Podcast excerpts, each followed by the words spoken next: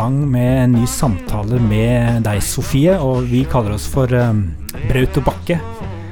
Uh, en podkastserie med ordskifter. For du og jeg, vi er opptatt av det gode ordskiftet. I ordets beste forstand, ordskifte, det kan bety debatt. Det kan bety å utveksle synspunkter. Men ordet har også en overført betydning. I, ordet er det som vi på en måte har som kilde til veldig mye av vårt engasjement, Bibelen. Eh, og det å skifte tanker om ordet, det syns jeg er en fin sånn eh, tanke med det vi holder på med. Og sist gang, Sofie, så eh, snakket vi om et tema som ja, jeg har fått litt tilbakemeldinger på. Vi snakket om underordning. Det har kommet litt tilbakemeldinger på Facebook, og det ble til og med laget en link og en liten sak på dagens nettsider om eh, denne nye podkastserien der vi to diskuterer, og det syns vi er litt spennende, for da, da kan jo hende vi har vekket litt interesse. Absolutt, og det er jo litt sånn eh, Det er, det er nok litt Jeg ble litt glad for òg med at eh, den fikk litt oppmerksomhet, for jeg føler jo tema underordning, ja vel, folk kan bli litt leie av det som en debatt, men det er jo et tema som fremdeles folk kan være og inkludert meg sjøl, må jeg jo ta med, ganske sånn nysgjerrig på fremdeles. Um, får ikke en følelse av at det er liksom ferdig snakka, altså selv om noen ønsker det. Men, uh, men, jeg tenker det er spennende å, å, åpne det litt opp videre. Ja, og derfor har vi bestemt oss for å snakke om det en gang til, vi. Vi er ikke ferdig med temaet underordning, Sofie.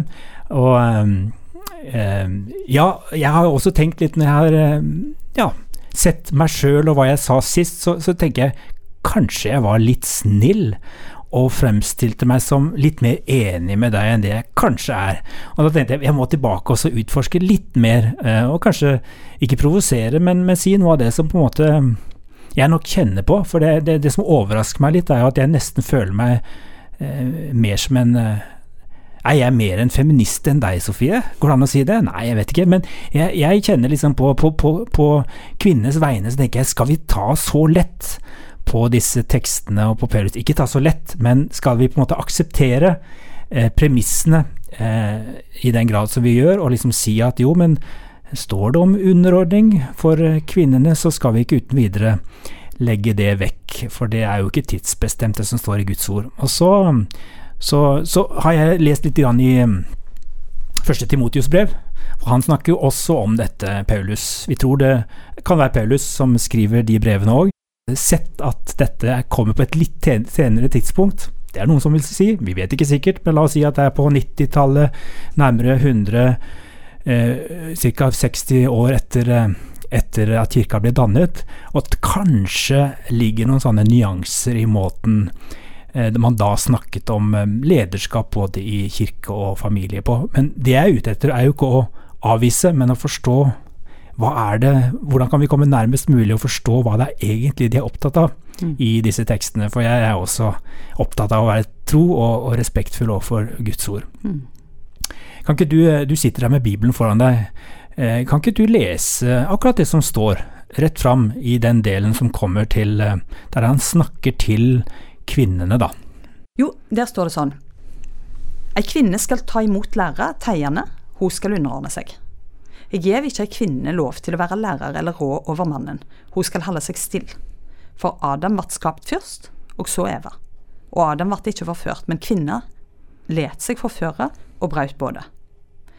Men hun skal bli frelst gjennom si barnefødsel, bare hun holder fast på tru, kjærleik og helging, og lever som det sømer seg ja, Nå skal vi ikke gå så mye inn på liksom, den sånn krevende teologien rundt dette med at en skal bli frelst gjennom barnefødsel, for det er en hel diskusjon i seg selv. Men, men uh, hva, blir ikke du litt provosert, Sofie, av at uh, du skal være stille og teie i forsamlinga, og, så, og så står det jo sammenheng også med det som skal gjøres i heimen. Det fine her er jo også å si at uh, Guds hus er jo en metafor som brukes gjennom hele Timotius-brevet som et eh, Og da er liksom en sammenheng mellom det vi er i familien, og det vi også er i det kristne fellesskapet. Mm. Eh, så Sånn sett så er det på en måte familien som også er modell for, for hvordan man strukturerer fellesskapet da i denne første kristne kirka. Og da er kvinnen på en måte får ganske klar, klar beskjed om idealet. Vær, vær stille. Mm. Jo, eh, altså jeg lar det bare prøve å, å lytte meg inn mens jeg leser nå, og på en måte se det på nytt. Jeg har nok jeg, jeg forstår jo det at det kan virke som jeg er på, Og på mange måter kjenner jeg meg konfrontert av det å være et litt sånn omvendrende paradoks eh, i den forstand. Jeg er jo alt annet enn stille og har jo engasjert meg i debatt nå i, i mange år. Um, men eh, kanskje jeg har avinstallert min ryggmargsrefleks som sånn norsk eh, feminist Ja. eh, i møte med disse tekstene. Jeg, jeg tror litt av det handler om at jeg rett og slett leser bibeltekster på en litt annen måte, og da vil jo noen si ja, du leser dette, men så bare fortsetter du som før. Um, og, og det må en jo på en måte tåle litt når en stiller seg fram her. Samtidig så er nok jeg òg Jeg er alltid opptatt av å ta Bibelen i beste mening. Ja. Og jeg syns alltid at en god måte å lese Bibelen på, er å alltid tenke at Bibelen er en totalitet. Mm. Bibelen gir meg mange bilder av F.eks. når jeg ser dette med å være stille, så kan en jo forstå det på mange måter. En kan forstå det som et, bare et krapt hold kjeft. Mm. Ikke si noen ting. Du er underkasta, du er undertrykt. Du har ingenting du skulle sagt. Det er jo en måte å høre det på. Og en annen måte å høre, på, høre det på er jo òg å, å la seg forme og prege på dypet av den lærer som er der. Ikke si imot, ikke være så snar til å diskutere ethvert ord som læren inneholder, men å være i et lyttemodus, da. Eh, og jeg vet jo ikke om det er spesielle ting ved noen av de eh, sammenhengene som Paulus, eller du eh, stiller litt spørsmål med det, da, men for meg er det Paulus, skriver inn i. Um, om det er enkeltpersoner og andre grunner, altså en slags kultur i menigheten der det blir skrevet inn i det òg. Men, men eh, jeg tenker jo at når jeg tenker på Bibelen som eh, min eh, på en måte min formative tekst, så opplever jo jeg at det er utrolig med frihet allikevel til å praktisere denne her underordninga, Mm. eh, uten at det betyr at den er eh, på en måte negativt definert inn i en måte stereotypi av ei stille kvinne, da, som jo har kommet langt seinere enn Bibelen har blitt forma. For vi får jo ofte det bildet av den der eh, underordna, undertrykte kvinnen fra en god del bl.a. populærkultur og kulturelle uttrykk, som jo har på en måte forma bildet vårt av den kristne kvinne som en sånn eh, stakkarslig, undertrykt person, på en måte, som bare er holdt nede av, eh, av prester som har for masse makt. Altså, som har tolka dette her inn i en sånn eh, For meg virker det ofte som en sånn eh, patriarkalsk måte å tenke på, der vi har fått den via den kritiske feminismen, da, rett og slett. Så for meg er det nok det å gå litt baken for å hente meg andre helter og ideal. Mm. Eh, en av de er jo den som på en måte bærer fram frelseren, altså Maria, som blir møtt av Gud og får et helt spesielt oppdrag. Eh, en annen, hvis du går til Gamle testamentet, er jo Ruth, som er helt åpenbart i Ruths bok. Som en åpenbart eh, på en måte kvinne som lever etter underordning, men som allikevel er initiativrik, som er sterk på mange måter, eh, trofast og har utrolig mange gode eh, egenskaper, da. Mm. Eh, I tillegg til at du òg er underordna. Eh, så der er det òg en god del sånn ideal som jeg tenker jo er utrolig spennende å se. eh, en sånn tekst som dette i lys av, for hva betyr det å være stille? Vet vi det med en gang? Eh, det er jeg litt usikker på, for jeg tror vi er enormt farga av vår samtid. Og det siste jeg har lyst til å si, er jo litt av det som er forma Timoteus sjøl, som dette brevet er, er skrevet til. da. Og Timoteus han var jo en som var opplært i to generasjoner av kvinner, som er spesifikt nevnt av Paulus i starten av andre Timoteus-brev. Og det òg er jo veldig, veldig interessant å se hvordan de kvinnene må jo virkelig ha vært både taleføre og handlekraftige, som har lært opp denne utrolige nøkkelspilleren i, i den, første, den tidlige kristnes uh, churches i framvekst. Nå syns jeg du var eh, veldig flink til å gjøre det som jeg kanskje på en måte prøver å være. Jeg prøver liksom å være nyansert. Nå følte jeg det var du som spilte rollen som den, den nyanserte som, som var flink til å trekke fram andre eksempler og tekster, og det er jo litt sånn som jeg syns er spennende, rett og slett for å også forstå og lese tekster i Bibelen på i, beste mening, da. Eh, og se, kan dette forstås på andre måter? Er det andre eksempler som gir et rikere tilfang til forståelsen av, av eh, ord som kan virke vanskelige? Og det syns jeg er en flott eh, tilnærming.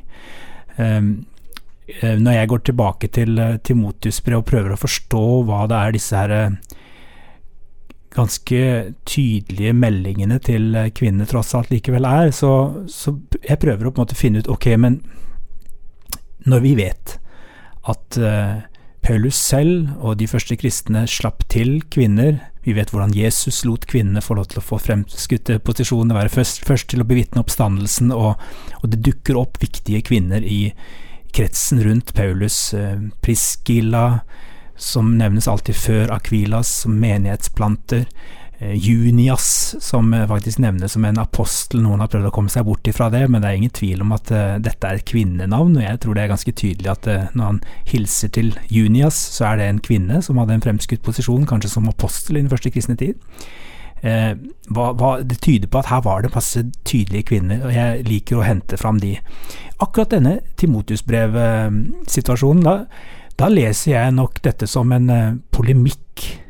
Jeg tenker at for Paul, som, forfatteren av Timotsbrevene, kanskje var det Paulus, så skriver han til inn i en situasjon der kanskje kvinnene hadde tatt roller, og kanskje det var en konflikt gående med, med en, det kanskje ble oppfattet som en, en uh, for, ja, for, stort frislipp i, i, i samfunnet for for kvinnenes plass, som hadde skapt en uro.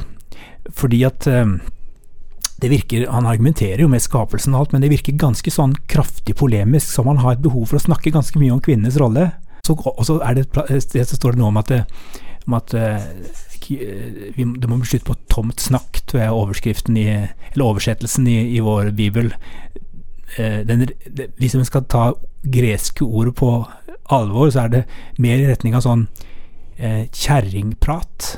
Altså det er ganske sånn Det vil jeg kanskje si ganske sånn eh, ja, stereotypisering og ganske sånn krasse Der man framstilles som om veldig ofte når jenter, kvinner samles, så blir det mye prat, og, og, og, og da kan vi jo liksom tenke ok, det var det kanskje i den settingen, men er det en sånn generell, eh, prinsipiell tankegang som man har om at kvinner skal helst som de kanskje eh, Skal vi lese det som, som det, eller skal vi da kunne si um, dette må vi vel hvis, hvis det er sånn, så må vi i hvert fall kunne se mer nyansert på disse ordene om å være stille. Kanskje var de lest inn igjen, sagt inn i en ganske spesiell situasjon der det virkelig var behov for nå, nå må vi roe, ned, roe det her. Her er det blitt Og så, og så kommer disse kjønnsrollemønstre litt inn som en slags måte å få dette i, eh, i orden på igjen. Altså, jeg vet ikke, men det er i hvert fall vanskelig for meg å forstå det på annen måte når ordene blir sagt spesielt til kvinnene og ikke til mennene om å være stille, om å være tause, om ikke uttale seg om undervisning og lære. Men mm. la det være noe som mennene holder på med. Når det i andre sammenhenger er så tydelig at kvinnene var med og bidro ja, jeg tenker det der å se, å se helheten her. Altså det, det, er jo veldig fort det, og det vil jo noen holde imot meg som er litt nysgjerrig på begrepet underordning og, og sånt. Noen mener at jeg har, har, hengt meg for masse opp i det og burde heller se på totalen. Men, men det blir jo ofte òg et slags sånn 2022-argument, eller et mm. sånt 'nå lever vi i en helt annen tid', sant. Mens jeg syns den der å bredde ut argumentasjonen når det gjelder Bibelens totalitet, mm. syns jeg er langt mer interessant. Det å la ulike bibeltekster, ulike ideal, ulike kvinner eh, si rolle opp gjennom eh, hele Bibelens på en måte univers. Eh, kaste lys òg mm. over måten jeg leser underordningstekstene som er litt mer satt på spissen. Og jeg, jeg er jo langt på vei enig, eller har tenkt det mange ganger når jeg kan lese Paulus her. Her var det behov for å stramme litt opp. Og vet du hva, helt ærlig, som kvinne føler jeg ikke kan si det, og det tror jeg mange kvinner òg vil være villige til å gå i seg sjøl og si at noen ganger så ser vi det òg i våre moderne kontekster, at av og til er det bra hvis noen bare skjer gjennom. Nå, nå blir det masse snakk her. Enten det er om folk, altså enten det er om Altså, altså sånn eh, snakk i veldig vid forstand. Sånn, med begrepet kvinnfolkssladder og alt slags sånt er jo et litt urettferdig begrep. Eh, som kvinne så tenker jeg at ja, av og til så har jeg vært midt i det sjøl og følt meg som en del av det, og tenker at jeg klarer ikke å bli så hårsår at jeg tenker at hvis det er det Paulus har snakket inn og sagt, vet du hva, her, er det behov for litt mer orden, så kan jeg tenke òg litt sånn at ja, det har det gjerne vært en grunn for. Jeg klarer ikke å bli så sjølhøytidelig på mitt eget kjønns vegne. Og av og til så er det sånn som med menn òg. Menn er så redde for å snakke om følelser. Kan en eh, generalisere? Jo, kanskje litt urettferdig, men jeg tror jo av og til at en kan si ok, noen ganger. Det tror jeg menn vil være med på. At ja, av og til er vi faktisk dårlige å snakke om følelser. Vi trenger et lite spark bak, kanskje fra noen kvinner som kan hjelpe oss litt på veien. Ja, jeg vet jo hvor farlig det er å generalisere, og samtidig så tenker jeg at noen sånn godmodige generaliseringer, de, de kan vi leve med, og gjerne i, i et sånn sjølerkjennelsens lys tenke at der var det jo noe òg. Mm. Um, og ja, jeg kjenner jo at uh, det er vel noen av oss mennene, og meg inkludert, som også kan trenge å høre akkurat de ordene som, uh, som går spesielt til kvinnene akkurat i den teksten der, om det å lytte litt mer og være litt mer villig til å også uh, være stille og la andre få ta plass. Så, så her er det kanskje litt sånn Kanskje vi, vi må lytte oss litt fram til hva som er utfordringen på de ulike stedene hvor vi, hvor vi er, også i vår tid, akkurat når det gjelder det. Men jeg syns allikevel at det er gode grunner for å, å tenke litt motsatt av det en ofte tenker i møte med disse tekstene, at Bibelen har noe godt å si oss. Bibelen maner ofte til en god type sjølerkjennelse, og gjerne òg eh, kan hjelpe oss til ikke ta oss sjøl så enormt høytidelig og sette oss sjøl på pidestall, enten det er meg personlig eller på vegne av mitt kjønn eller min gruppe. Eh, så tenker jeg jo at å bli kalt inn i en sånn sjølerkjennelse og ta Bibelen i beste mening, vil jo hjelpe oss et langt stykke på vei inn i tekster som dette, syns jeg da. Og til slutt så hadde jeg lyst til at vi skulle bare snakke litt om et begrep som av og til dukker opp, og som kan tolkes både positivt og negativt, og det er at um, vi ønsker å harmonisere eh, tekster som kan virke krevende og kontroversielle. Altså, ditt utgangspunkt er at du eh, liker det ordet harmonisering når det gjelder Bibelen. Fortell litt hva du tenker om det.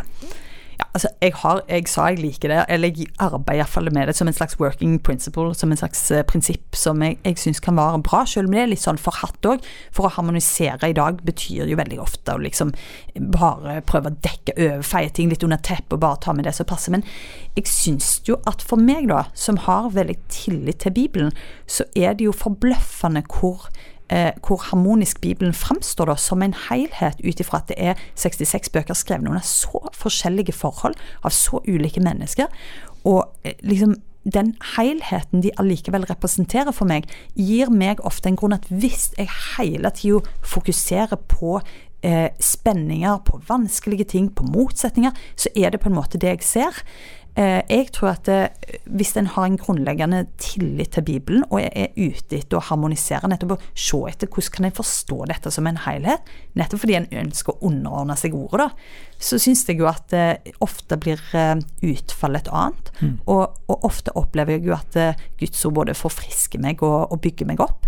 Men det er klart, igjen, det blir litt å avkode den der automatiske responsen at Eh, Bibelen er kvinneundertrykkende, f.eks., eller at, eh, at, her er det spenninger og motsetninger. Så det er jo en litt annen måte å, å lese Bibelen på, da. Men, men, for meg gir det mening, eh, mm. all den tid jeg tror det faktisk er Guds ord. Og så har jeg for min del lyst til å si at det å være bibeltro, å være konservativ, det trenger ikke å stå i motsetning til å forsøke å være selvkritisk på vegne av våre egne ord, altså hvordan f.eks. ordet underordning forstås i dag, eh, det trenger ikke å være det samme som det ble forstått første gang da, da det ble lest, og, og, og, det er liksom litt av grunnen til at jeg tror det er Jeg vet at min teologi og mitt eh, akademiske arbeid med Bibelen kan noen ganger lede oss på avveier. Det har det gjort mange ganger for, for, for mange. Men noen ganger så kan, har jeg også opplevd at en, et historisk arbeid med konteksten og når ble dette sagt, Hvilken, hva kan vi lese ut av sammenhengen eh, for å forstå best mulig hva som var sagt første gang og ment første gang, det kan eh, bidra til at vi ikke tar for kjappe eh, konklusjoner. fordi at jeg tror jo at eh, noe av det største problemet i det som kanskje kan bli kalt for konservativ bibellesing, eh, litt sånn på en måte eller hva kaller det, fundamentalistisk bibellesing, er jo at man, man tror man kan bare åpne Bibelen, lese den, og lese ord for ord, setning for setning, og si 'jeg skjønner hva det er som blir sagt, og det må forstås sånn og sånn'. eh, det kan ofte føre veldig galt av sted. Og det tenker jeg av og til i noen, noen, eh, noen kretser, så, så, kan man da komme i skade for å legge helt andre ting inn i Bibelens egne ord og begreper enn det faktisk vi har grunnlag for. Mm, og Der ser vi jo et godt eksempel i, i historien om Philip og den etiopiske hoffmannen. ikke sant? At han sitter der og prøver å lese Jesaja, og, og, og, det liksom blir helt opplagt i teksten at det er veldig vanskelig å forstå en sånn profeti hvis ingen forklarer deg det. Så her tror jeg det er viktig å være ydmyke den veien òg. Og når det er sagt, så tror jeg allikevel at, eh, at kristne kan godt, ha godt av, eh, spesielt i dag når det har blitt veldig masse teologi, og av og til litt mindre sånn forhold til bare å lese Bibelen. Ja. Bibel, altså Kristne leser Bibelen lite, ja. viser jo all forskning og undersøkelser osv. Så, videre. så tenker jo jeg da at en gjerne kan ta litt lærdom av det ordet til C.S. Louis, som alltid insisterte på at the thing itself, altså Bibelen, den objektet for analyse er så mye mer interessant, sa han da, enn alt det som ligger rundt. Og da tenkte han nok ofte på teologien, som blir en slags sånn veldig sånn stor korpus av mange, mange forskjellige stemmer som går i veldig, veldig mange forskjellige retninger. Og den der kallet til å komme tilbake til the thing itself, det syns jeg òg er en fin, fin, ting å ta med seg da, som et slags en påminning midt oppi en litt sånn utfordrende og ikke helt opplagt uh, underordningsdebatt òg. Og da fikk C.S. Lewis historie i denne podkasten òg. Han kommer vi sikkert tilbake til, for han er vel en av dine store helter. Han er en av de store heltene, så garantert vi får han igjen. Takk for skiftet, Sofie. Takk for skiftet.